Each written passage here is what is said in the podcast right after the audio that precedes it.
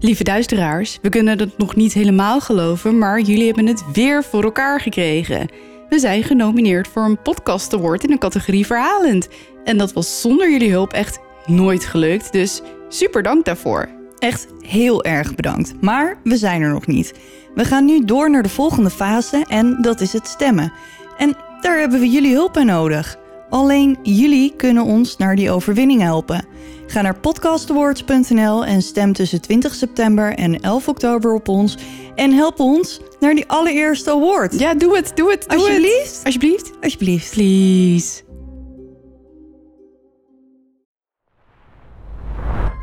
Verschillende kinderen uit de stad Nagasaki claimden haar te hebben gezien terwijl ze uit school liepen. Ze werden zo bang dat ze alleen nog in groepjes over straat wilden en na een tijd werden hun ouders ook bang. Ze vond het leuk om research te doen naar duistere zaken, net als wij. En tijdens haar zoektocht kwam ze ook alternatieve muziekgenres tegen. Een van die genres was horrorcore, ook bekend als death rap, murder rap en wicked shit. Wicked shit. Langzaam komt haar gelaat tevoorschijn en het yogi hapt naar adem. De mond van de vrouw is van oor tot oor opengescheurd. Het is een afgrijselijk gezicht.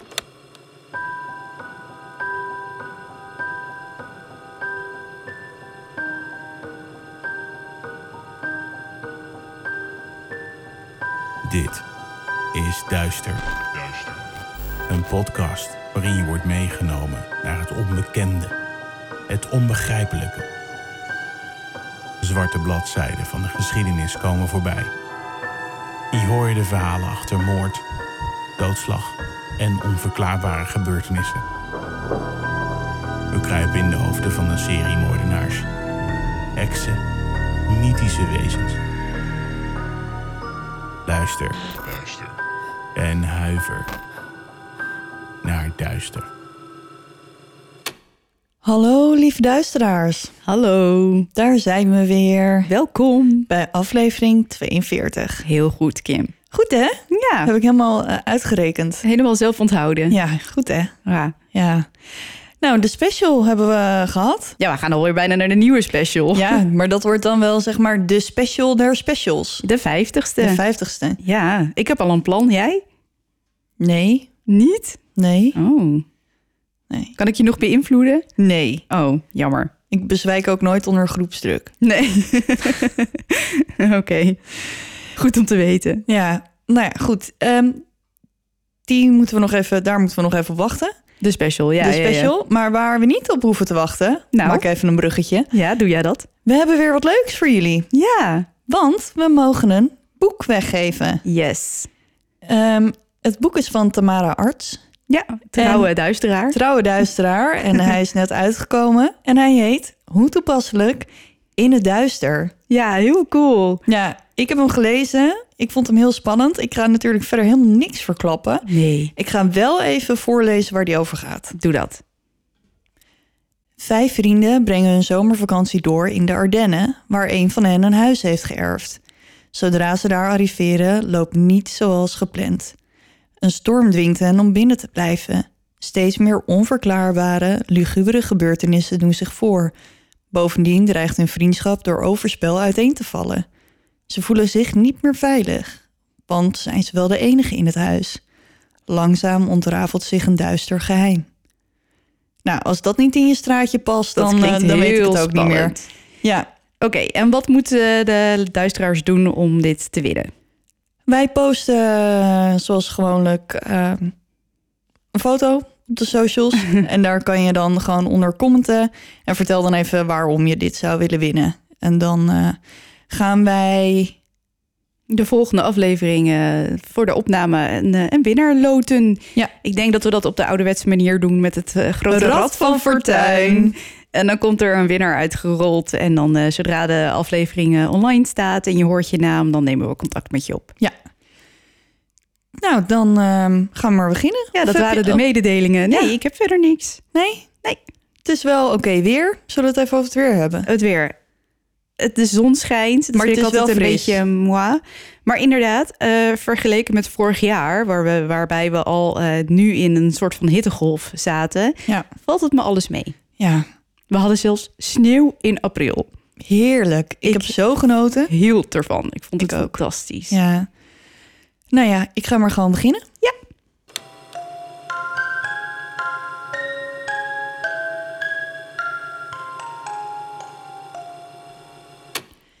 Vandaag vertel ik het verhaal van de Farmville-moorden. Je kijkt me aan alsof ik zou moeten weten waar die over gaan. Nee, maar Farmville is ook zo'n Facebook-spelletje, toch? Oh, ja. maar daar heeft het niks mee te Oh maken. god, dat speelde echt de halve wereld Ja. een paar jaar geleden. Ja, maar daar heeft het niks mee te maken. Oké. Ons verhaal begint met de familie Niederbrock. Emma Niederbrock wordt geboren op 15 oktober 1992 in Champaign, Illinois. Gezellig. Haar ouders zijn Mark Niederbrock en Deborah Kelly. Emma's vader Mark was pastoor bij de lokale kerk en haar moeder Deborah was een doctorandus. Mark werd geboren op 20 maart 1959. Hij studeerde fotografie aan de Universiteit van Illinois en daarna ging hij als grafisch ontwerper werken. Dit bleek niet zijn roeping te zijn en hij besloot na zijn werk theologie te gaan studeren. Terwijl hij nog aan het werk is als grafisch ontwerper, leert hij Dr. Deborah Sue Kelly kennen. Zij werd geboren op 28 september 1959 in Richmond. Zij studeerde sociologie en criminologie aan de Longwood University en uiteindelijk ging zij aan het werk als professor voor diezelfde onderwerpen. Na hun trouwen verhuizen Mark en Deborah naar Farmville, Virginia, en hier krijgen ze hun enige dochter Emma. Als Emma ongeveer 11 is, beginnen haar ouders haar thuis te onderwijzen. En voor zover we weten werd ze redelijk beschermd opgevoed. We kunnen ervan uitgaan dat Emma gelovig werd opgevoed en dus waarschijnlijk ook een beetje afgeschermd van de wereld. Maar toch kreeg ze al vroeg interesse in duistere zaken. Hmm. Ze vond het leuk om research te doen naar duistere zaken, net als wij. En tijdens haar zoektocht kwam ze ook alternatieve muziekgenres tegen. Een van die genres was horrorcore. Wat voor koor? Ja, ik had er dus ook echt nog nooit van gehoord. En nou ja, ik denk dat ik niet de enige ben. Dus, maar wat is het dan? Nou, ik ga het je vertellen, want volgens Wikipedia is het het volgende. Oké. Horrorcore, ook bekend als death rap, murder rap, acid rap en wicked shit. Wicked shit. Ik heb het niet bedacht, het komt rechtstreeks van Wikipedia. is een subgenre van horrorpunk en hip-hop muziek. Horrorcore is een term die gemaakt is door Russell Simmons. Hij verwees naar hip-hop als hardcore rap met horrorfilmthema's. Oké. Horrorcore teksten omvatten veel verschillende onderwerpen. Er zijn normaal gesproken twee takken van horrorcore teksten: de serieuze tak en de humoristische tak. De serieuze tak houdt zich onder andere bezig met levenskwesties, criminaliteit, moord en armoede. Gezellig. De teksten binnen de andere tak kunnen overal overgaan, maar vooral over moord, psychopaten, seksisme en dergelijke, maar met een humoristische benadering. Er is ook een fictieve tak, dat is dan een mix van teksten, serieus en humoristisch, of met een sterk fictieve aard, zoals occultisme, satanisme en dergelijke. Dus, voor het geval nog niet helemaal duidelijk is waar ik het nou precies over heb, dan heb ik hier even een klein stukje om naar te luisteren. Nou, ik ben heel benieuwd.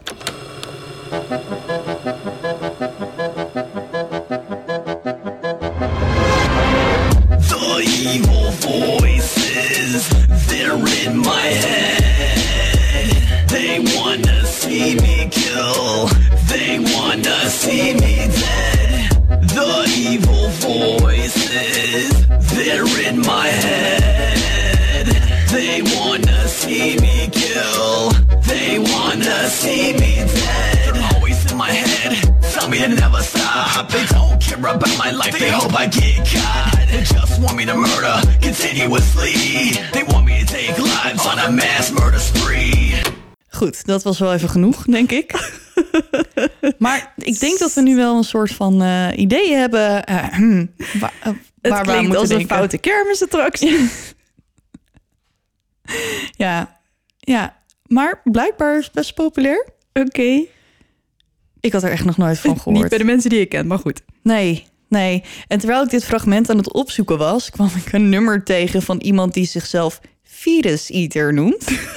dus ik klik dat filmpje aan en dan is de clip dus iemand een En die is dan een oogbal aan het ontleden. Dus je ziet alleen maar een oog met een scalpel en een naald. En nou, ik kan echt tegen een hele hoop. Ik kan een hele hoop hebben. Het kan me niet bloederig genoeg zijn. Maar hier werd ik me toch een partij naar van. Het is echt. Ja, jongens, zoek het niet op. Want Nee. het, het Geef was, ook maar niet de link dan. nee, het was ook gewoon echt heel eh, smerig. Oké, sommige dingen moet je maar gewoon laten gaan. Ja, Dit is er één van. Ja, weet je, ik, ik heb het bekeken zodat jullie het niet meer hoeven te doen. Laat Ja, van de timer Je hebt jezelf opgeofferd. Ja, goed, terug naar het verhaal. Als Emma 15 is, in 2009, besluiten haar ouders om te scheiden. Deborah blijft in het huis in Farmville wonen en Mark verhuist naar Pamplin om daar pastoor in de kerk te worden. Na de scheiding van haar ouders groeit Emma's interesse in horrorcore en duistere zaken alleen maar meer. Op een gegeven moment begint Deborah zich daar een beetje zorgen om te maken. En ze zorgt er ook voor dat Emma therapie krijgt. Want een scheiding is natuurlijk niet niks. En Deborah wilde wel gewoon zeker weten dat het goed ging met Emma. Ja. Emma deelde haar liefde voor horrorcore met haar beste vriendin Melanie Wells. Melanie werd op 13 februari 1991 geboren in Louisiana en is twee jaar ouder dan Emma. Later verhuisde ze naar West Virginia en gaat naar de Musselman High School. We weten niet precies waar Emma en Melanie elkaar hebben leren kennen of wanneer, maar wat we wel zeker weten is dat ze hun interesse in het duistere en horrorcore deelden. Als Emma 14 of 15 is, besluiten de meiden dat ze naar een horrorcore festival in Californië willen. Deborah stond natuurlijk niet echt te springen bij dit idee. Emma was nog zo jong en dan ook nog dat horrorcore gebeuren. Dat ze er helemaal een festival van hebben, joh. Ja. Ja, dus Deborah vroeg, zich ook een beetje af of ze daar misschien wel veilig zou zijn. Maar uiteindelijk besluit Deborah, die blijkbaar wel heel open-minded is, dat ze dan maar allemaal zouden gaan. Hmm. Deborah ging mee. Ik heb een beetje een soort zwarte cross idee in mijn hoofd. Niet vergelijkbaar, maar wel als in de ruigste mannen zijn vaak Ja, toch wel beschermend en een beetje lief. ja, ja ik, eh, ik weet nog niet. eh, ja, Oh. ik, kan, nou, ik kan me niet voorstellen hoe dat eruit ziet. Ja, ik ook Zo. niet. Dit is, dit is wat ik in mijn hoofd heb. Hè. Misschien Ja. zit ik er helemaal naast. Ja, maar- ik weet het niet. Maar het schijnt nogal een intens festival geweest te zijn. Maar met z'n drieën hebben ze het hartstikke naar hun zin. Of nou ja, in ieder geval Emma en Melanie. En daar ging het Deborah om. Ik weet niet zeker of Deborah het ook enorm naar de zin heeft gehad. Emma en Melanie leerden op dit festival allemaal nieuwe mensen kennen. Waaronder iemand die bij het platenlabel werkte... waar een van Emma's favoriete artiesten onder contract stond. In die tijd was MySpace, zeg maar, het social media Ding. platform. Mhm. En na het festival hielden ze daar contact met elkaar. Ik heb dus zelf MySpace echt helemaal gemist. Ik ook. Ik begon echt met Hives. Ja, Terwijl het echt wel een ding was toen wij opgroeiden. eh, eh, ik heb geen idee. Weet je dat? Misschien 2000, was misschien wat later. eh, Dit is 2009. Ja, maar toen, toen waren we toch wel heel erg van de hives, hoor, denk ik. Ja, ik heb gewoon het hele MySpace eh, misschien overgeslagen. Of misschien... was het heel lokaal. Ik weet het niet. maar bij ons was het inderdaad niet zo'n ding. Nee, ik kende ook helemaal niemand die dat gebruikte. Nee. Nee. Na een tijdje worden Emma en Melanie gevraagd om mee te helpen met de online promotie van Emma's favoriete artiest. En de meiden accepteren dat aanbod natuurlijk maar al te graag. Zo ontstaat er een soort van online promotieteam. En bij dit team hoort ook een jongen genaamd Richard McCroskey. Richard was een webdeveloper en zijn hobby's waren het filmen van concerten en foto's maken van zijn favoriete artiesten. Dus een beetje creatief, eh, creatieve jongen wel. Mhm. Emma en Richard leren elkaar steeds beter kennen en op een gegeven moment praten ze iedere dag online met elkaar. Na een tijdje blijken ze elkaar heel leuk te vinden en beginnen ze te daten. Maar dan wel online, want ze hebben elkaar nog nooit in het echt gezien. Ze posten liefdevolle berichten op elkaars pagina en kunnen niet wachten totdat ze eindelijk elkaar in het echt kunnen ontmoeten. Nou, Zo schattig. Het duurde niet lang voordat er weer een horrorcore festival zou zijn en deze keer in Detroit. Dit festival leek de twee de ideale plek om elkaar te ontmoeten. Ik weet niet hoe ze erbij kwamen, maar uiteindelijk leek het ze beter dat Richard eerst naar Farmville zou komen. En hij kwam uit Californië, en ze zitten natuurlijk in West Virginia. Ehm, en dan bij Emma zou verblijven. En dan zouden ze daarna met Melanie naar het festival gaan. Oké. Dus- zich slim hoor, om dan eerst thuis even af te spreken. Ja. Ja. Op zondag 6 september komt Richard in Farmville aan en hij en Emma ontmoeten elkaar eindelijk voor de eerste keer. De twee schijnen gelijk onafscheidelijk te zijn en dat is maar goed ook, aangezien het festival pas zes dagen later zou beginnen. Oké, die hebben de tijd genomen. Ja, en hij verblijft dus ook bij Emma thuis. Oké. En hij is 20 en Emma is 15. Nou ja, drie keer raden. Ja, ja. Op zaterdag 12 september, als het festival staat te beginnen, reizen Emma, Richard, Melanie en de ouders van Emma naar Michigan. Blijkbaar konden de ouders van Emma nog steeds met elkaar goed overweg, aangezien ze allebei meegaan. Blijkbaar een heel gezinsuitje. Nou ja, prima toch? Ja, de drie tieners vermaken zich uitstekend op het festival. Tenminste, dat denken Mark en Deborah. Emma en Richard kregen ruzie tijdens het festival. Maar waar de ruzie over ging, weten we niet. Kan over van alles geweest zijn. Volgens mij zijn er wel geruchten dat, dat ze met iemand anders had staan praten. Met een andere man of zo. Of, Oh, en dat mag niet? of eh, dat ze sms'jes kreeg van een ander. Geen idee, zoiets. Maar het kan ook iets heel anders geweest zijn.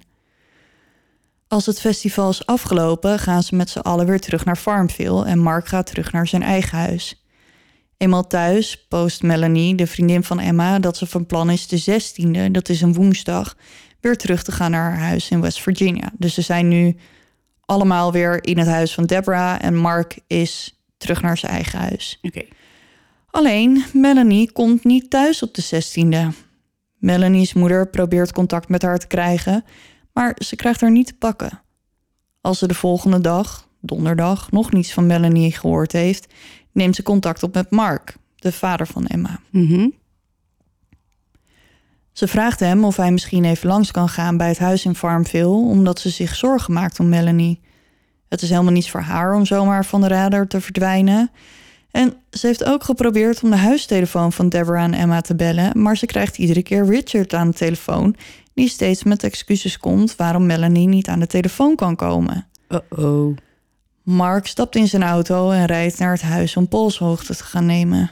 Hij arriveert ergens laat in de avond bij het huis. Ondertussen wacht de moeder van Melanie op een telefoontje van Mark om haar te vertellen dat alles goed is met haar dochter. Hoe langer het duurt voordat dat telefoontje binnenkomt, hoe meer zorgen ze zich begint te maken. Als ze tegen middernacht nog niets van hem gehoord heeft, begint ze in paniek te raken. Wat is er toch aan de hand? Waar is haar dochter? Ze neemt een besluit en belt de politie. Ze vraagt hen of ze bij het huis langs willen gaan om te controleren of alles goed is daar. Agenten worden naar het huis gestuurd. Ze kloppen op de deur en als de deur open gaat, staan ze oog in oog met. Richard. Die vertelt ze dat de meiden naar de film zijn. Mm. Tevreden met het antwoord gaat de politie weer weg. Als ze naar de bioscoop zijn, is het tenslotte niet zo gek dat ze- dat ze hun telefoon niet opnemen. Ze bellen de moeder van Melanie en vertellen haar wat ze ontdekt hebben. Of eigenlijk niet, of zo, geen idee. Nou ja, wat ze vermoeden. Ja, nou ja, goed, wat ze gehoord hebben van Richard en dat nemen ze voor waar aan. Ja, en zij dus ook. Maar eh, ik voel aan mijn water. eh. Een uur nadat de politie is langs geweest, komt er weer een telefoontje binnen bij de politie. Deze keer komt het telefoontje uit het huis van Deborah. Het is echter niet een van de vrouwen, maar Richard die belt. Hij vraagt of er misschien iemand langs kan komen omdat hij geluiden hoort in de kelder en hij was bang dat er ingebroken werd. De politie gaat nogmaals naar het huis en Richard neemt ze mee naar de kelder. Ze nemen snel een kijkje om er zeker van te zijn dat er geen indringer zit en als ze niets kunnen vinden, gaan ze er weer vandoor. Richard achterlatend in het huis. Melanie's moeder, die in de eerste instantie gerust was gesteld door de politie, zit het de volgende dag toch niet helemaal lekker. Ze kan Melanie nog steeds niet bereiken en van Mark heeft ze ook niks meer gehoord. Ze maakt zich opnieuw zorgen en belt wederom de politie. Voor de derde keer in een heel korte tijd staan er weer agenten bij het huis in Farmville voor de deur. Ze kloppen op de deur en dan gebeurt er helemaal niets. Er doet niemand open. De politie besluit toch een kijkje in het huis te nemen.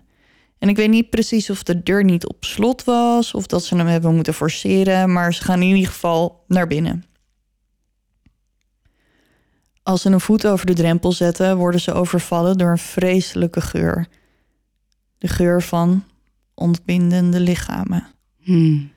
Als ze door het huis lopen, vinden ze in de slaapkamer beneden de lichamen van drie dode mensen, op gruwelijke wijze omgebracht. In een slaapkamer op de tweede verdieping vinden ze nog een lichaam, ook op dezelfde gruwelijke manier om het leven gebracht. Het is de agenten dus wel snel duidelijk dat alle slachtoffers aangevallen waren. Er ontbreekt alleen iemand. De Waar jongen die ze twee keer eerder gezien hebben. Ja, ja. Richard is nergens te bekennen. Het valt ze ook op dat de auto die eerder op de oprit had gestaan tijdens hun bezoeken nu verdwenen was. Maar wie is die Richard nou precies? We weten wat voor werk hij deed en wat zijn hobby's waren, maar wat weten we nog meer? Ten tijde van de moorden, en ik zei het net al even, was hij 20 jaar oud. Hij werd geboren op 23 december in 1988 in Castro Valley, Californië. Hij had een hele normale jeugd zonder gekke dingen. En zo'n vijf maanden voordat dit zich afspeelt, gingen zijn ouders uit elkaar en hij blijft bij zijn vader wonen. Als hij een jaar of elf is, ontdekt hij horrorcore en sindsdien is hij fan. Hij is zelfs zo gek op het genre dat hij begint met het produceren van zijn eigen horrorcore onder de naam Psycho Sam. Ik heb even een paar titels van zijn nummers voor je. Ehm, die bestaan uit eh, bijvoorbeeld eh, Murderous Rage, Jesus Told Me to Do It, Oh ja. Sick Minds Think Alike, Burning Churches, Hot Sex en The End of Me. Ehm, En The Voices. En verrassing, het stukje muziek dat je aan het begin hoorde kwam uit The Voices van Psycho Sam. Oké. En ik heb hier nog even een stukje uit eh, My Dark Side van eh, Psycho Sam. En ik wil je even waarschuwen, want het gaat echt over gruwelijke dingen. Eh, heb je na het eerste stukje genoeg gehoord?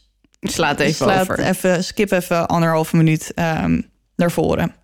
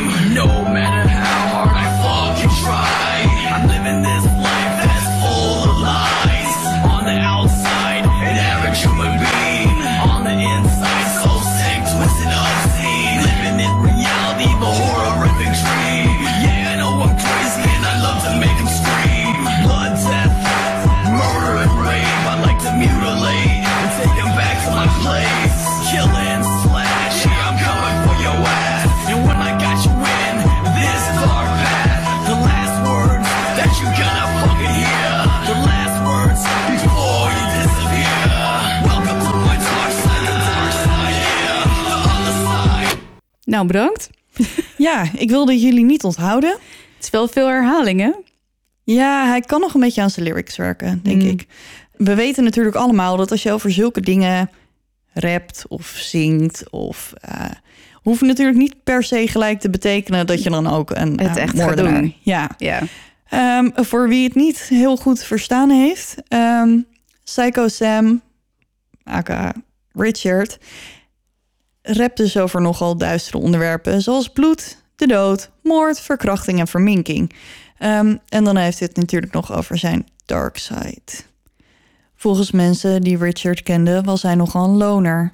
Hij had eigenlijk niet echt vrienden en bracht veel tijd in zijn eentje op zijn kamer door, waar hij naar horrorcore luisterde en produceerde. Op een gegeven moment begon hij met het ontwerpen van websites en daar scheen hij best wel goed in te zijn. Hij postte ook regelmatig op MySpace, waar hij zijn eigen muziek promote en dus ook contact had met Emma. Oké, terug naar de moorden.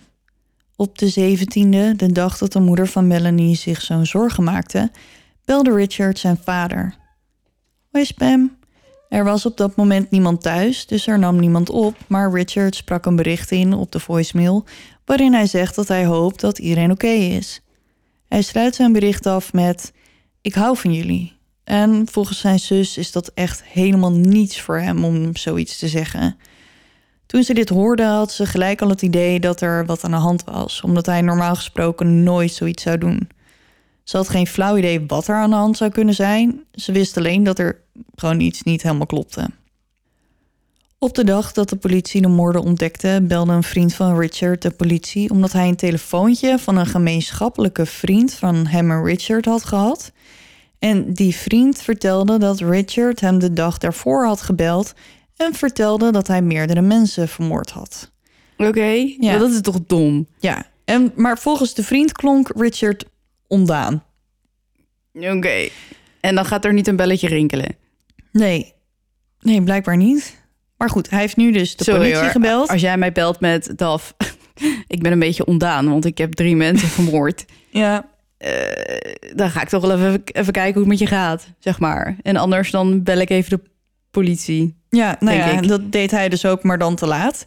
Ehm, maar goed, de politie telde natuurlijk één en één bij elkaar op. Ehm, deze melding, de verdwenen auto van de oprit... en het feit dat Richard nergens te vinden was... gaf politie op zich wel genoeg reden om te geloven... dat Richard hun verdachte was. Mhm.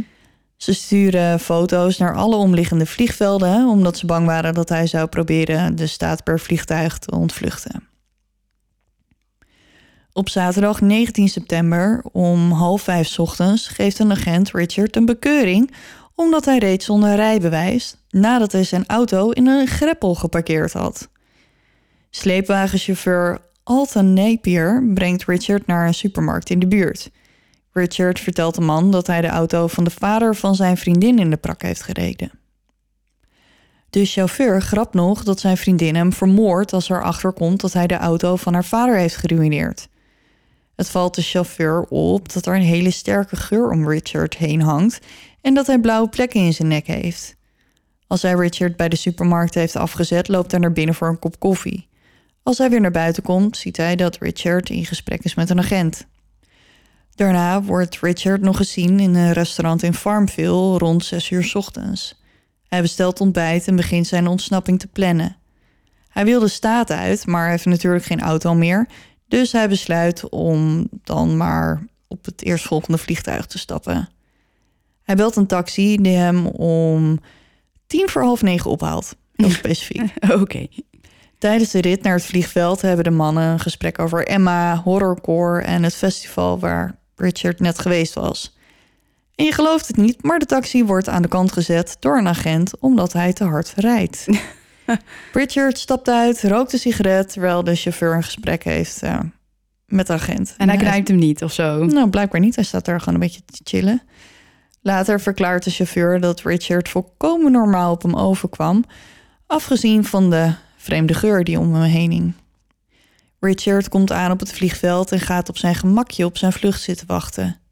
Rond half twaalf is de politie op de hoogte van Richard's verblijfplaats. Ze gaan naar het vliegveld en pakken hem op. Richard had zitten slapen toen ze hem kwamen halen en hij liet zich zonder problemen in de boeien slaan. Ze brengen hem terug naar Farmville en ondervragen hem op het politiebureau. Richard weigert alleen in de eerste instantie om mee te werken. De politie had gelukkig zoveel bewijs tegen hem dat dat ook niet heel veel meer uitmaakte. En ze vonden dat ze zo ook wel een sterke zaak hadden. Ja. Ze leggen hem zes keer moord met voorbedachte raden ten laste. En ja, er zijn nu vier mensen vermoord, maar de politie had zoveel overeenkomsten gevonden met twee onopgeloste moorden die in de drie jaar daarvoor waren gepleegd, dat ze ervan overtuigd waren dat Richard dus daar ook schuldig aan was. Als de agenten aan hem vragen waarom hij de moorden in godesnaam gepleegd heeft, antwoordt hij: Jesus told me to do it. Ja, ja. En voor de oplettende luisteraar, dat is inderdaad een van de titels van zijn muziek. Terwijl Richard in Farmville op het politiebureau zit, doorzoekt de politie in Californië zijn huis. Ze nemen verschillende dingen in beslag, zoals zijn computer, de huistelefoon waar hij het bericht op achter had gelaten en wat kleinere dingen zoals notitieblokken. Uiteindelijk bezwijkt Richard onder de druk en bekent. Hij beschrijft tot in detail hoe hij het gedaan heeft. Hij vertelt dat hij Emma, Melanie en Deborah de dag nadat ze terugkwamen van het festival al vermoord heeft. Tijdens de moorden was hij onder invloed van wiet en alcohol en misschien heeft hij ook nog uh, pijnstillers geslikt. Rond drie uur s'nachts begon hij aan zijn gruwelijke daad. Met een hamer en een soort van bijlachtig iets gaat hij als eerste Melanie te lijf, die diep ligt te slapen op de bank in de woonkamer. Daarna vervolgt hij zijn weg naar boven, waar hij Deborah aanvalt. Als laatste is Emma aan de beurt. Ook zij ligt te slapen als Richard haar met de hamer in de bijl bewerkt. Alle vrouwen zijn echt compleet afgeranseld.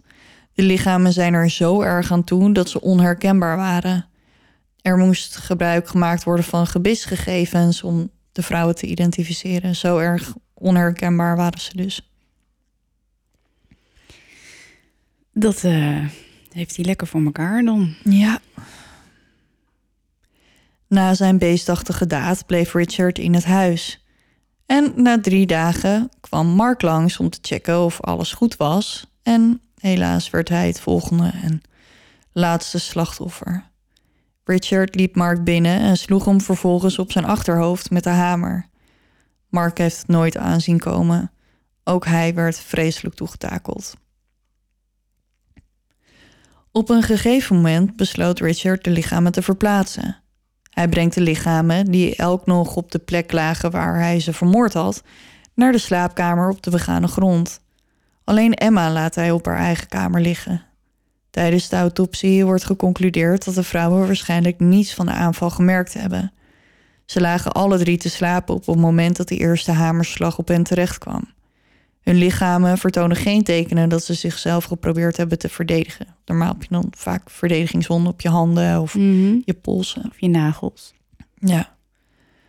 Na de moord op Mark begon Richard filmpjes van zichzelf op te nemen met een videocamera die hij in het huis had gevonden. In een van de clips vertelt hij tegen de camera dat hij diep van binnen wist dat hij zou moeten boeten voor wat hij gedaan heeft. Ook laat hij af en toe hints vallen dat hij van plan is een einde aan zijn leven te maken, zodat hij niet met de consequenties van zijn daden hoeft te dealen. Er hing Richard een doodstraf boven het hoofd, maar in september 2010 krijgt hij een deal aangeboden van de openbaar aanklager. Als hij toegeeft schuldig te zijn aan de vier moorden, dan krijgt hij levenslang in plaats van de doodstraf. De familie van de slachtoffer stond achter deze deal. Als hij de deal aan zou nemen, dan zou hen in ieder geval het proces bespaard blijven. Dus dan hoeven ze niet iedere dag in de rechtszaal te zitten en alles aan te horen. Richard neemt de deal en hij krijgt levenslang zonder kans op vervroegde vrijlating. Voor de andere twee moorden waar hij van beschuldigd werd, heeft hij nooit terecht gestaan door gebrek aan bewijs. Volgens Richard pleegde hij de moorden door zijn relatie met Emma.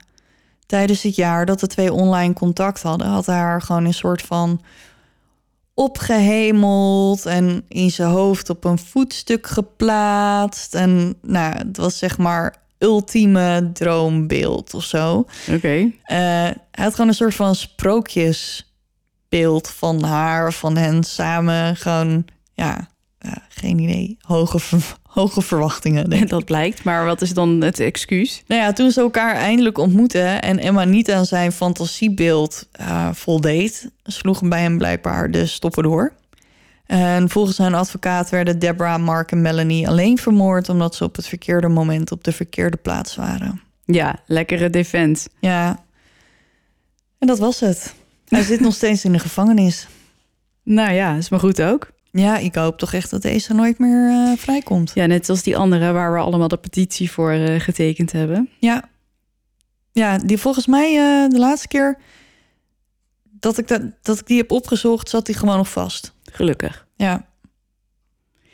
Ja, inderdaad. Ik, um, dat in de mensen die naar bepaalde muziek luisteren, betekenen echt niet allemaal dat ze. Nee, net zoals dat uh, gamers of zo die schietspellen spelen, zijn ook niet allemaal uh, high school shooters of high school shooters. Of... Nee, zeker niet. Maar nee. uh, het is natuurlijk wel lastig om net die ene eruit te pikken ja. die het dan wel doet. Ja. Maar ik vond het ook gewoon best wel heftig dat en op zich snap ik die ouders ook wel, want je hebt ze liever onder je eigen dak dan dat ze elkaar ergens uh, in het geheim ontmoeten en dat je Mhm. helemaal niet. Maar ik vond zes dagen van tevoren. Ik bedoel, ik heb wel eens een blind date gehad of, of een Tinder date of zo. En dat ik echt zo blij was dat ik na een uur weg kon. Ja, Ja, en dan hoef ik niet eens een vliegtuig te pakken. Eh, nee. Maar ja, ze zijn nog jong. En het is Amerika, daar, daar ben je sowieso al van het logeren. Want eh, als de afstand groot is, dan Ja. kom je niet voor een dagje Ja, heen en maar als hij gevlogen. 20 is, dan kan hij ook gewoon in een hotel gaan zitten. Ja, dat kan. Maar Amerikanen zijn over het algemeen heel gastvrij. Ik heb een Amerikaanse vriend. Dat klinkt een beetje gek.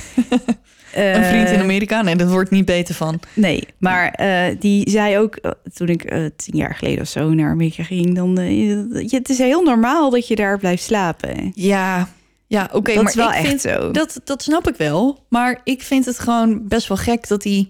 Ik bedoel, ze kennen elkaar gewoon niet, hè? Ze kennen elkaar Nee. gewoon echt niet. En gewoon zes dagen van tevoren. Je zal inderdaad maar, net zoals ik redelijk vaak heb... na een uur denken, nee. Nee, en dan kan het daarvoor online nog zo gezellig geweest zijn. Maar dan zit je tegenover elkaar en dan denk je... nee, gelukkig is er bier. Want Ja, ik weet het niet. Misschien hadden ze dan wel besloten om eh, het af te breken en dat hij dan terug naar huis was gegaan of een hotel. Maar ja, ze waren onafscheidelijk die eerste dagen, toch? Zei Ja. je. ja, Dus dan hebben ze daar denk Maar ik geen nog, reden toe gezien. Ik zou denk ik niet. Ik, ik wilde zeggen, ik zou dit niet, maar ik had ook gewoon vriendjes die bleven slapen toen ik 15 was. Ik wilde net zeggen. Ja, pap, en dat was allemaal niet heel erg. eh, mijn vader luistert. op de Dag. radar. Hallo, hallo, mijn vader luistert. alsof die gek is. nee, nou, wel een beetje. niet. Wel, wel, nee, maar ik, nee, had, natuurlijk niet wel. ik had natuurlijk dat vriendje uit Bloemendaal ooit. En die mocht Mhm. wel gewoon blijven slapen, maar die moest wel echt op de logeerkamer. Toen was ik ook 15 of zo. En daar is die gebleven volgens jou. Daar is hij zeker gebleven, pap. Ja, goed. Ehm, anyway, dus volgende onderwerp. Ja, ik zal je redden. Nee, maar ehm, ik hoop dat deze jongeman eh nooit meer vrijkomt. En ehm, Ja, ik wil jullie dus wel nog even meegeven. eh, zoek niet dat nummer op wat ik net zei. Die fetus eater met die, eh, met die oogbal. ja, behalve dat je nu een soort van roze olifant creëert. Maar oké. Ja, oké, oké. Ehm, maar wees gewaarschuwd. Het is gewoon ja, het is wat echt, ik begrijp echt heel smerig. best wel een beetje ranzig. Ja, er zijn ja, die nummers van Psycho Sam staat gewoon, staan allemaal gewoon op YouTube. Ik heb er twee gelinkt in de show notes. Degene die je gehoord hebt. En misschien is dit wel helemaal jouw smaak. De mijne dat is het niet. kan. Nee, de en mijne ook misschien niet. heb je dan nu wel gewoon heel nieuw eh, genre of nieuwe artiesten of zo ontdekt. Kan ook. Eh, maar ik, ik, nee, Pas even. ik pas even. Is niet, Ja. eh, niet niks voor mij dit. Nee, voor mij ook niet. Nee. Ben je er klaar voor? Ja, ik ga beginnen.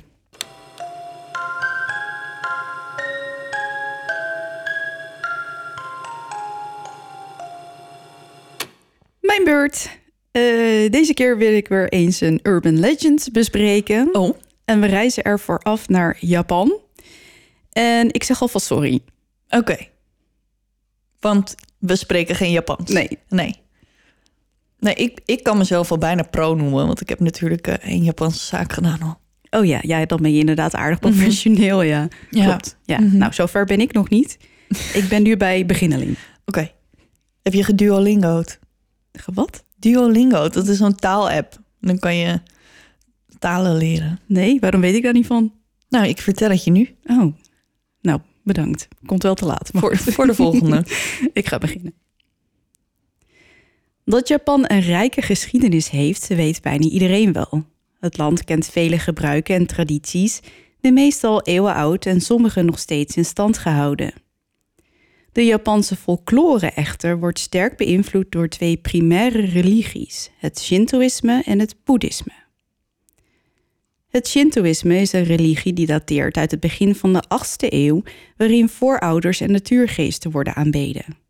Het bevat een geloof in een heilige kracht genaamd kami. Kami valt moeilijk te omschrijven in westerse termen, er is namelijk niet echt een vergelijkbaar concept. Ik denk dat de Wikipedia-pagina het nog het beste omschrijft wat kami is. Het zijn geesten, goden, voorouders of natuurlijke krachten die aanbeden worden. Ze tonen zich aan mensen via een yorishiro, een soort medium voor de geest van de kami, die zich meestal uit in een natuurlijk element, zoals de wind, rotsen en bomen. Je zou kunnen denken aan een soort god, maar dat is kami voor de volgers van het Shintoïsme zeer zeker niet. Maar niet alleen het geloof is een groot onderdeel van Japan, ook mythologie is een grote portie van het dagelijks leven. Het omvat vaak humoristische of bizarre karakters en situaties en bevat een breed assortiment aan bovennatuurlijke wezens, zoals bijvoorbeeld Boatsu. Boatsu kunnen mythische, historische figuren of zelfs levende personen zijn die voorkomen in verhalen en legendes. Andere bekendere zijn Yurai, een specifieke groep van entiteiten en geesten, Japanse draken en dieren met bovennatuurlijke krachten, zoals Kitsune, een vos, de Tanuki, een wasbeer, of de Mujina, een das, en de Bakeneko, een transformerende kat. Al deze verhalen en legendes worden vaak onderverdeeld in verschillende categorieën. Dit zijn er enkele. Mukashi Benashi, verhalen van lang geleden. Namida Benashi, trieste verhalen. Obake Benashi, spookverhalen. En Warai Benashi, grappige verhalen. Ook de yokai, wat geest, fantoom of vreemde verschijning betekent, zijn een groot onderdeel. De kenmerken van de yokai variëren van kwaadaardige monsters die ongeluk en schade veroorzaken, tot degene van wie wordt aangenomen dat ze geluk brengen aan degene die ze tegen het lijf loopt. Yokai hebben vaak dierlijke kenmerken, zoals bijvoorbeeld de kappa, een soort schildpad, maar ze kunnen ook op mensen lijken, zoals de Kuchitsaka Onna. En daar gaat mijn verhaal van vandaag over. Oeh. Op een namiddag in 1979 loopt een klein jongetje uit school naar huis. Het is druk op straat. Het verkeer raast aan hem voorbij en overal klinkt getoeter, muziek uit auto's en lawaai uit de stad. Meerdere keren ontwijkt hij een snelle zakenman in pak of vrouwen op hoge hakken die hem met een verdedigd glimlachje aankijken. Het begint al te schemeren en hij houdt de passer stevig in. Plots stapt er voor hem een vrouw achter een telefoonpaal vandaan. Het jongetje stopt abrupt wanneer hij zowat tegen haar aanloopt. Zijn blik was op het moment van de bijna botsing naar beneden gekeerd en nu kijkt hij naar haar schoenen. Ze zijn gloednieuw, alsof de vrouw ze voor de eerste keer draagt. Langzaam kijkt het jochie omhoog. De vrouw heeft lang, golvend zwart haar met prachtige donkere ogen en wenkbrauwen. Meer van haar gezicht kan de jongen niet zien. Ze draagt een mondkapje. Het is niet ongewoon in Japan om een mondkapje te dragen, zelfs niet in de jaren 70. Het blauw van het kapje steekt af tegen haar zwarte haar en zwijgend staat ze het kind aan te kijken en de jongen staart terug. Ineens spreekt ze tegen hem, haar stem zacht en zoet gevoiced, maar ook vreemd. Watashi kire? Vind je me mooi? Het kleine jongetje staart haar aan. Haar ogen hebben een betoverend effect op hem en er is hem geleerd altijd beleefd te zijn. En dus antwoordt hij met een voorzichtige ja. Kore demo? En nu nog steeds, vraagt ze, terwijl één arm langzaam naar boven komt en het mondkapje van haar gezicht trekt. Langzaam komt haar gelaat tevoorschijn en het yogi hapt naar adem. De mond van de vrouw is van oor tot oor opengescheurd. Het is een afgrijselijk gezicht. Het bloed stroomt uit het gat dat ooit haar mond was en druipt nu van haar kin af. De wond is zo gapend dat haar hoektanden zichtbaar zijn en het jongetje wordt lijkbleek. Ineens vallen alle geluiden om hem heen weg. Hij hoort alleen nog zijn eigen hart bonzen in zijn oren. Kore demo? Weer die vraag. Het kind is verlamd van angst. Het enige wat hij uit kan brengen is een haperend geluid, maar hij weet er met een piepende stem een jawel hoor uit te persen. Oh, wat dapper. Plots schiet de vrouw bliksemsnel naar voren en met klauwachtige handen haakt ze twee vingers in zijn mondhoeken en scheurt met een onmenselijke kracht zijn wangen kapot. Bloed spuit alle kanten uit. Het jongetje voelt een intense pijn en raakt dan het bewustzijn kwijt. Wanneer hij wakker wordt in het ziekenhuis, vragen de artsen hem wie hem dit heeft aangedaan. Praten lukt niet en dus schrijft hij het op een briefje. Het was Kuchitsaka Onna. Dit jongetje had mazzel. Hij overleefde de aanval van Kuchitsaka Onna. Als hij haar had verteld op straat dat hij haar niet mooi vond, had ze hem daar ter plekke vermoord. Oh. Maar waar komt deze legende vandaan? En waar ligt de oorsprong? En is het waar? en is het waar? Ik ga het je allemaal vertellen. Het originele verhaal van Kuchitaka Onna komt uit de Heian-periode, ongeveer 1200 tot 800 jaar geleden. Niemand weet wat Kuchitaka Onna, wat opengesneden betekent, haar echte naam was. Wat we wel weten is dat ze naar verluidt een erg mooie, jonge vrouw was en getrouwd met een zeer gerespecteerde samurai, die al vele overwinningen op zijn naam had staan. De samurai of bushi waren de krijgers van het premoderne Japan. Ze vormden de hoogste militaire klasse en moesten hun leven leiden volgens de ethische code van Bushido, de weg van de krijger. Bushido benadrukt concepten als loyaliteit aan de meester, zelfdiscipline en respectvol ethisch gedrag. De samurai in ons verhaal heeft dus een erg mooie vrouw, maar ze is ook ijdel en weet heel goed dat ze zeer aantrekkelijk is. Toch houdt ze veel van haar man. Ondanks al haar aanbidders en aanbiedingen van andere mannen blijft ze hem trouw. Maar hij wordt weggeroepen om te vechten. Hij is tenslotte een samurai. Tijdens hun afscheid belooft hij haar snel terug te komen en ze belooft hem op haar beurt om te wachten.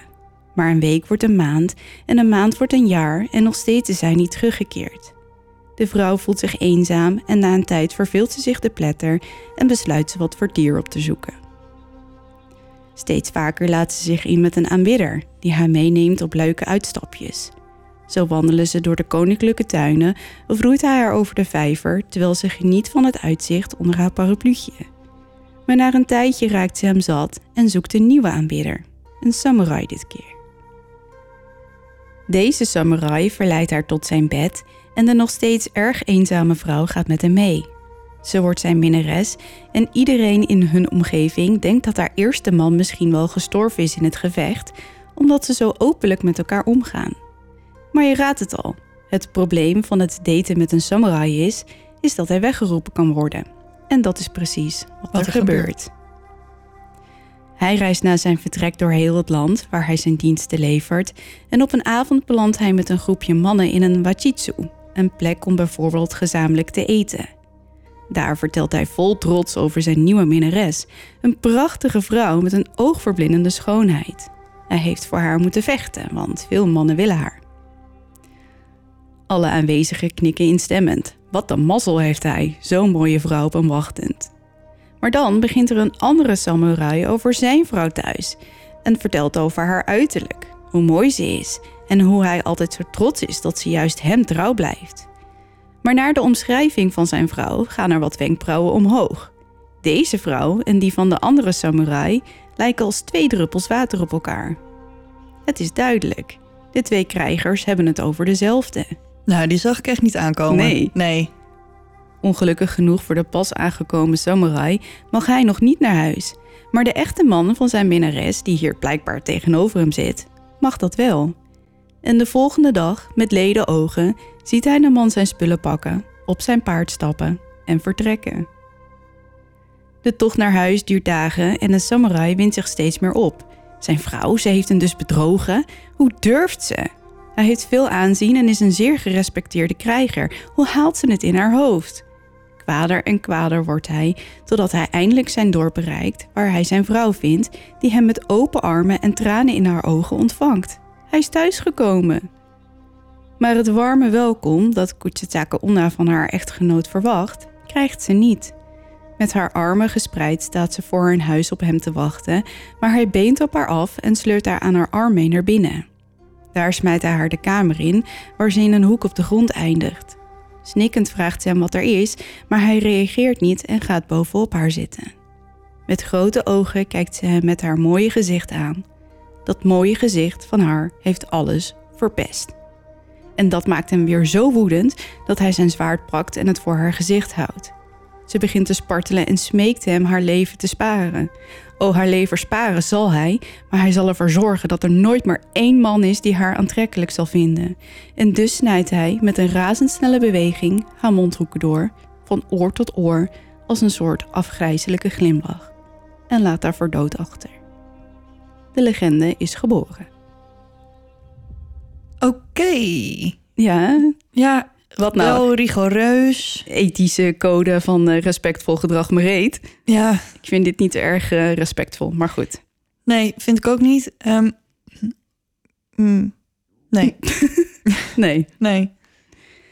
Of Kuchitsaka onder de aanval overleefd heeft of stierf, weten we niet. Maar het is duidelijk dat ze na haar dood terugkeert als yokai, oftewel kwade geest. Er gaan verschillende verhalen rond over wat je moet doen als je haar onverhoopt tegen het lijf loopt, want in de meeste gevallen is de ontmoeting dodelijk. Ze zal je in eerste instantie verrassen met het feit dat ze plotseling voor je neus staat.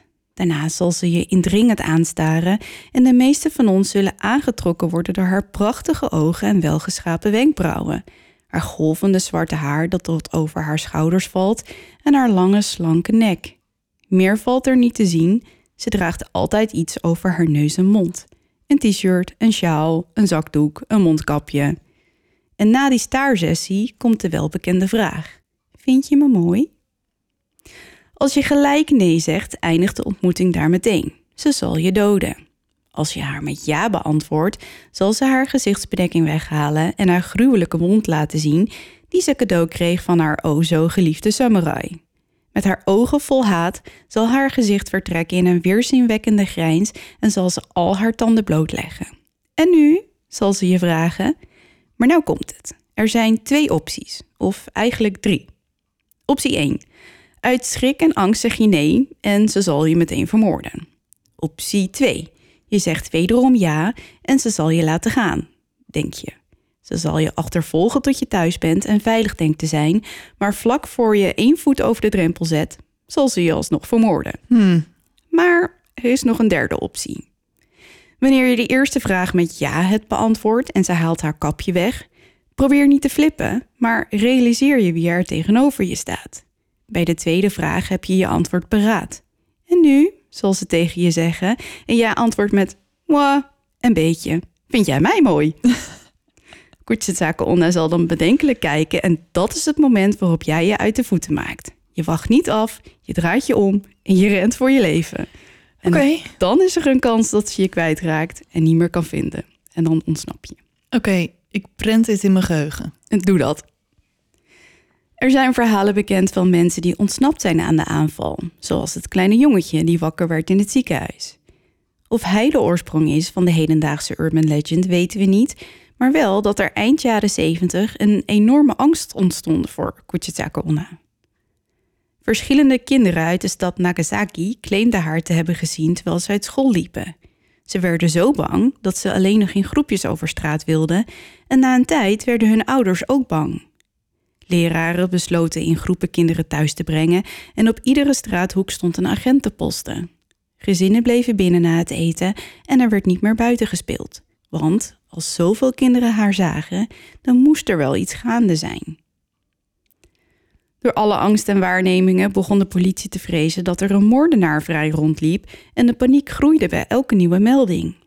Daarop volgend liet de politie nachtpatrouilles lopen en zochten ze iedere melding tot de bodem uit, maar ze konden de moordenaar niet vinden. Maar was er ook iemand dood? Nee. Wacht maar. Even werd alles nog verwarrender toen er een ander verhaal de kop opstak, namelijk dat van een onstabiele vrouw die lokale kinderen achtervolgde en bang maakte. Ze zou zijn ontsnapt uit een gesticht en had tijdens haar vlucht een mondkapje gestolen. Toen de politie haar vond, probeerde ze te ontsnappen door dwars door het tegemoetkomende verkeer in te rennen, waarna ze werd geraakt en op slag dood was. Haar verwondingen waren ernstig, zwaar hoofdletsel en snijwonden in het gezicht. De snijwond was zo vreselijk dat de onderste helft van haar gezicht bijna van de bovenkant was gescheurd, wat resulteerde in een soort bloederige kopie van Onna. ja.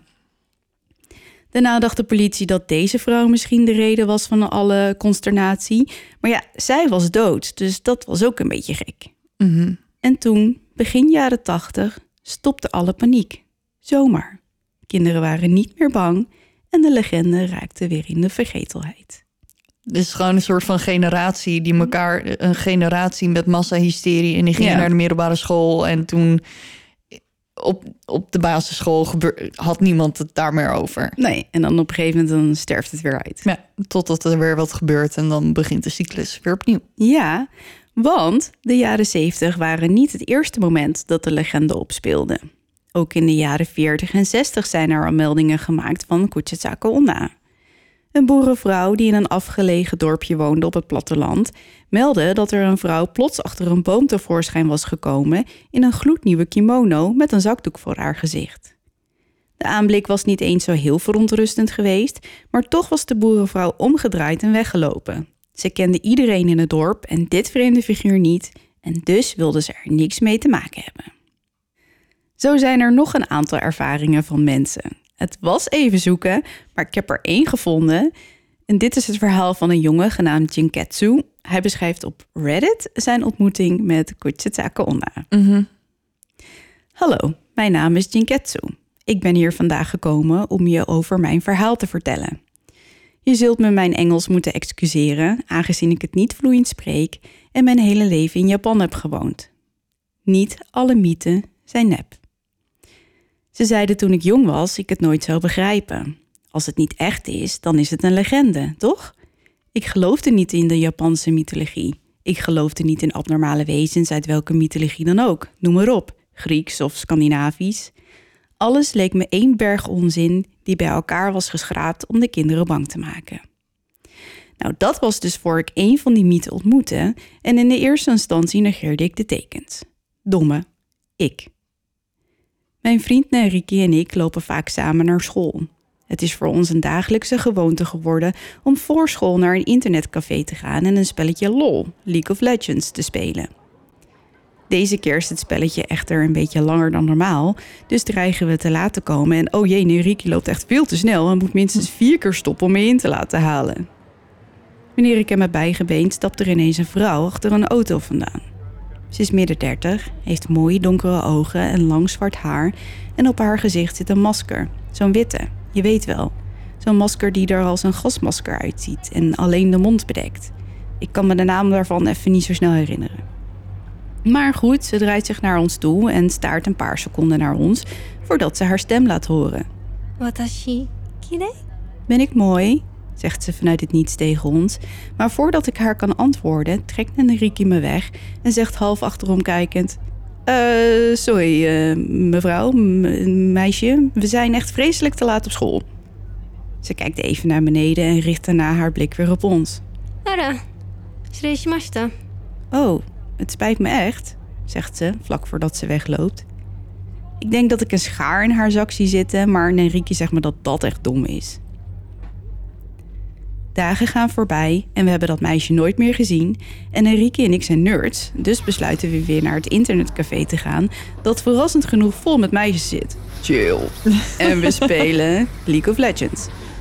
Na een paar uur is het al lang donker en besluiten we naar huis te gaan.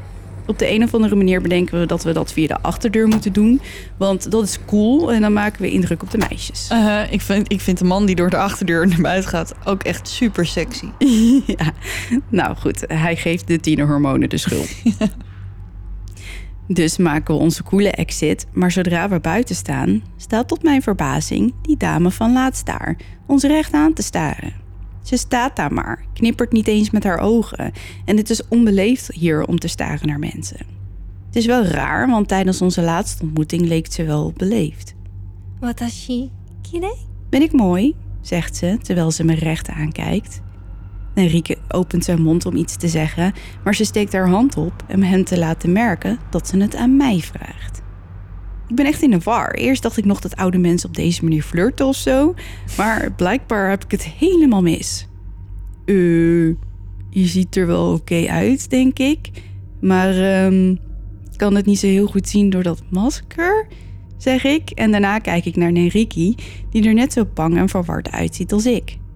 Ik draai mijn hoofd weer terug naar haar om me vervolgens wezenloos te schrikken, want de vrouw heeft haar mondkapje afgedaan. Wat ik zie is echt onbeschrijfelijk. Een snee van oor tot oor, met bloed dat er vanaf druipt. Al haar tanden zijn zichtbaar en ik ben er vrij zeker van dat Neriki moet kotsen. Ze kijkt me aan met haar ogen wijd open en vol haat. Neriki beeft van angst. Corredemo? En nu? vraagt ze.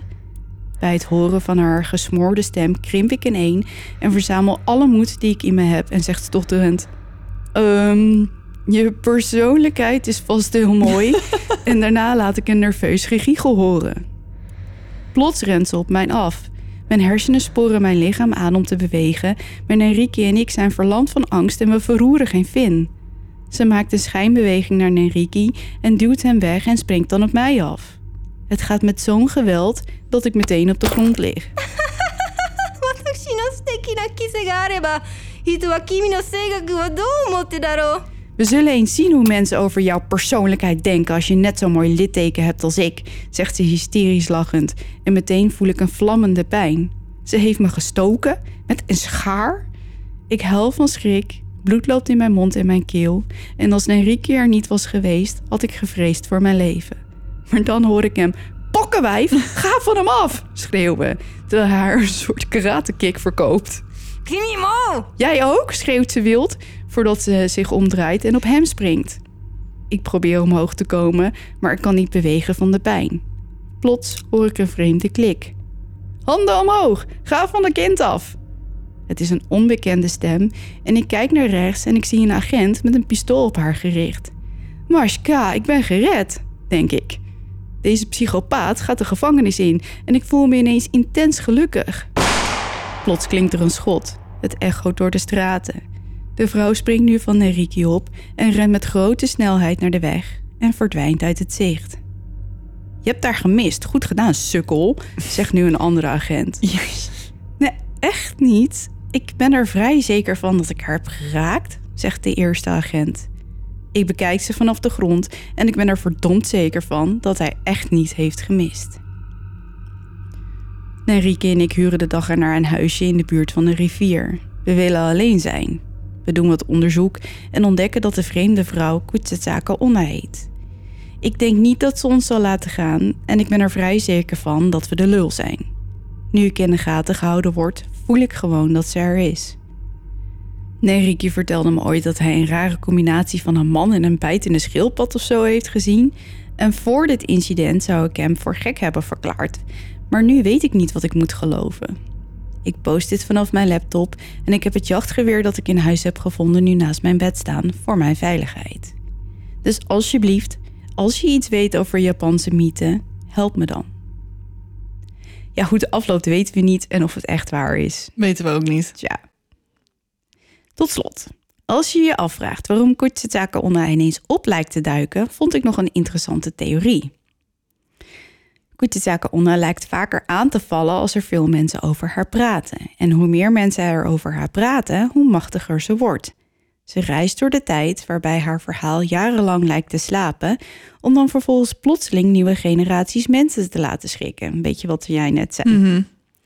Dit betekent dat ze nooit weg zal gaan, tenzij mensen stoppen met te praten over Kochitaka Onna. Ja. Maar ik ga je gang, ik daag je uit om niet over haar te praten. Ja, maar jij bent nu begonnen, hè? Dus Ja, ja. nu hebben een hele generatie duisteraars die op de hoogte zijn. Net zoals met de Black Eyed Kids. Ja. Misschien, misschien vormen ze zometeen wel een team. Oh, Dan krijg je er met zwarte ogen. ja, oké, luguber. Er zijn nog enkele andere tips die je kunt gebruiken mocht je haar tegen het lijf lopen. Zo kun je bijvoorbeeld snoepjes naar de gooien. Die vindt ze namelijk lekker. Op het moment dat ze afgeleid is in je hoofd, kun jij wegsneaken. Eh, je zou ook naar de tweede vraag kunnen antwoorden met pomade, pomade, pomade. Dat haat ze, maar Oh. ik kon niet vinden waarom. En andere geruchten zijn, uh, Kuchitaka Onna kan 100 meter rennen in drie seconden. Ze is een van drie zussen en de andere twee zussen hebben ook een gespleten mond. En ze houdt van nummer drie. Ze verschijnt vaak op plaatsen met een drie in hun naam. Dus wees gewaarschuwd. En dat was de legende, of is de legende, van Kuchitaka Onna. Oké. Zou, wat zou er gebeuren als jij haar een spiegel voorhoudt? Oeh, dat eh, weet ik niet. Ik weet niet of je die tijd hebt. Nee, ik heb ook nooit een spiegel bij me, daar niet van. Maar ik, vraag me, ik zat me gewoon in één keer af te vragen... wat nou Als ze zichzelf als ze ziet. zichzelf ziet. Ja, ik heb geen idee. Er is overigens, las ik eh, ook nog een verhaal van een jongetje, dat heb ik niet uitgeschreven, maar wel gelezen. Die eh, kwam haar tegen op een verlaten bospad. En ehm, na de eerste vragen had hij beantwoord met: eh, Ja, ja oké, ik vind je wel mooi. Maar toen greep ze hem alsnog. Dat was een beetje een iets anders verloop dan Mhm. wat ik de hele tijd tegenkwam. En, maar ze was toen bovenop hem gesprongen en hij dacht, ja doei, ik ga me hier niet laten vermoorden door jou. Dus hij droeg een kruisje. Ja. Dat is voor de meeste Japanners wel vreemd, want ja, het christendom is niet heel Mhm. groot daar. Maar eh, dat hield hij tegen haar gezicht gedrukt en toen brandde het in haar vlees en werd ze een soort van naar achter gepieuwd. En ehm, toen kon ze niet meer in zijn buurt komen. Dus het leek wel alsof het kruis hem bescherming Beschermde. bood. Ja. Dus dat zou je ook nog kunnen proberen. Maar goed, snoepjes dus kan, eh, pomade roepen. Of zeggen, vind jij mij mooi? En dan is ze in de war. de war. En dan, eh, Oké. Ik hoop niet dat ik er tegenkom. ik ook niet. Wel. Maar ik heb het idee dat ze een beetje in Japan blijft. Dus ja, Nou, dankjewel graag gedaan. voor dit verhaal. het zit er weer op. Het zit er weer op. Zal ik even de socials doen? Ja, doe maar. Voordat ik weer ga bazelen. Eh, mijn favoriet, Twitter, dat is het Duisterpot. Heel goed. Instagram, Duistere Podcast. Facebook, facebook.com slash Duistere Podcast. Daar vind je ook de Duisterclub, onze Facebookgroep. Daar kan je voor aanmelden en het is heel, heel, heel gezellig. Mhm. Dan hebben we nog de website. Daar vind je alle show notes, bronnen, foto's en YouTube. Daar is de Q&A trouwens te bekijken. Zeker. Ik zeg het nog maar even een keer, want eh, de tweede Q&A is eh, een maand geleden uitgekomen. maar ehm, ja, die is gewoon op, eh, op YouTube te bekijken. Hij staat op Facebook, hij staat op Instagram. Dus als je dat leuk vindt en ons een beetje beter wil leren kennen... dan kan je daar even naar kijken. Mhm. Moet je wel 32 minuten de tijd hebben. Maar Ja. Ja, en het spoken heeft zich weer lekker uitgeleefd ook tijdens de montage. Ja. dus ik vond hem zelf heel leuk.